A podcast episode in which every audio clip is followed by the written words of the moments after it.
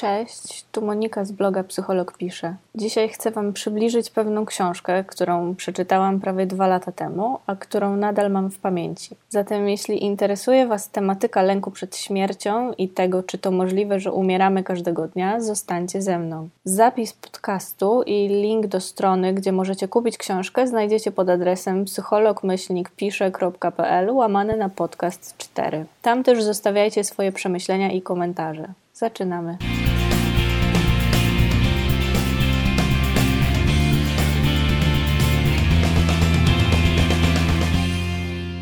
Trudniejsze czasy przed nami i im więcej życiowych decyzji do podjęcia, tym bardziej zastanawiamy się nad ulotnością naszego życia. O tym, kiedy i w jaki sposób przyjdzie nam kiedyś, może dziś, może jutro, może za pięć minut, umrzeć.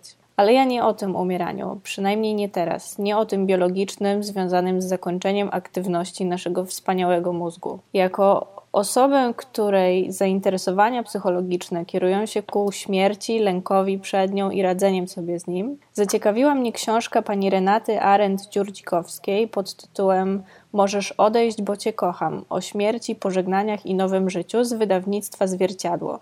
Pierwsze, co rzuciło mi się w oczy, to krótki opis z tyłu okładki. Wszyscy boimy się śmierci, bo to lęk pierwotny. Tym bardziej potrzebujemy się z nim mierzyć. Patrzenie w śmierć jest najbardziej życiodajnym posunięciem, jakie można sobie wyobrazić. W jaki sposób obcowanie ze śmiercią ma być pozytywnym doświadczeniem? Czy nie będzie raczej przygnębiać, wbijać w ziemię, zwyczajnie boleć? Ale przecież umieramy wciąż i wciąż.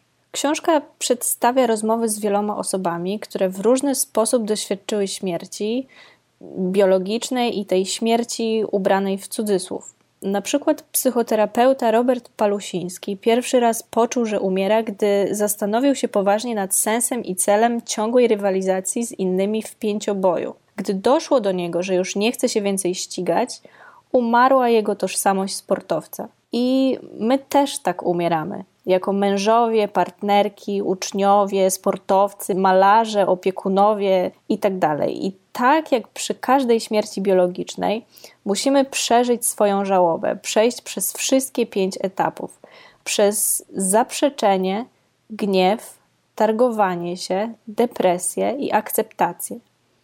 Musimy doświadczyć i przetrawić ból i zrozumieć pustkę, która pozostaje, a wkrótce także wypełnić ją czymś innym, czymś lepszym i ważniejszym. Boimy się żyć, ponieważ boimy się umrzeć. Elizabeth Kibler-Ross, która była specjalistką w tematyce lęku przed śmiercią, a w swoim życiu przeprowadziła tysiące rozmów z umierającymi pacjentami, zwykła powtarzać: Jeśli dobrze przeżywasz każdy dzień, wówczas nie masz czego się bać. Ale jak dobrze przeżyć każdy dzień? Otóż tak, jakby był jedynym, który nam pozostał. Pomóc w tym mogą pytania, które za chwilę zadam. Macie coś do pisania?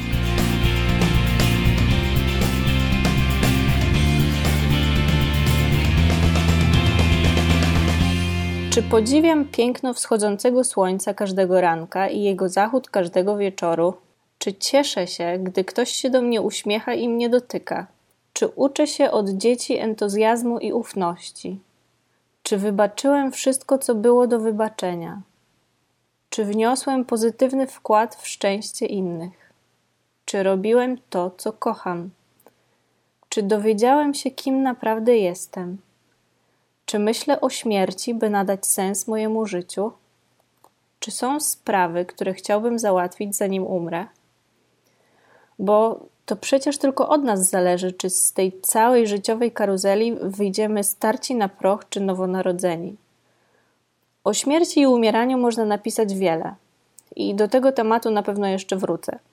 Jeśli jednak chcecie się przekonać, jak wyjść z ogromnego lęku przed śmiercią obronną ręką, jak przewartościować swój świat, jak radzić sobie ze strachem, z odejściem bliskich lub ze swoją terminalną chorobą, gorąco zachęcam Was do zapoznania się z książką. Ma ona niezwykłą wartość nie tylko dla osób, które interesują się psychologią, ale dla nas wszystkich, ponieważ wszyscy żyjemy i oczywiście wszyscy kiedyś umrzemy. Dobrze i bezpiecznie dla nas jest móc radzić sobie z lękiem ze spokojem, a nawet pewną radością bo umieramy wielokrotnie. Czasem nawet każdego dnia umiera nasze ego, nasze emocje, świadomość, poczucie pewności siebie. A ta książka daje nadzieję i przynosi ukojenie i nie jest jednorazówką. Warto do niej wracać, przerzucać interesujące nas fragmenty, przypominać sobie, pozwolić sobie na zadumę. Bardzo mocno polecam ją wszystkim zainteresowanym.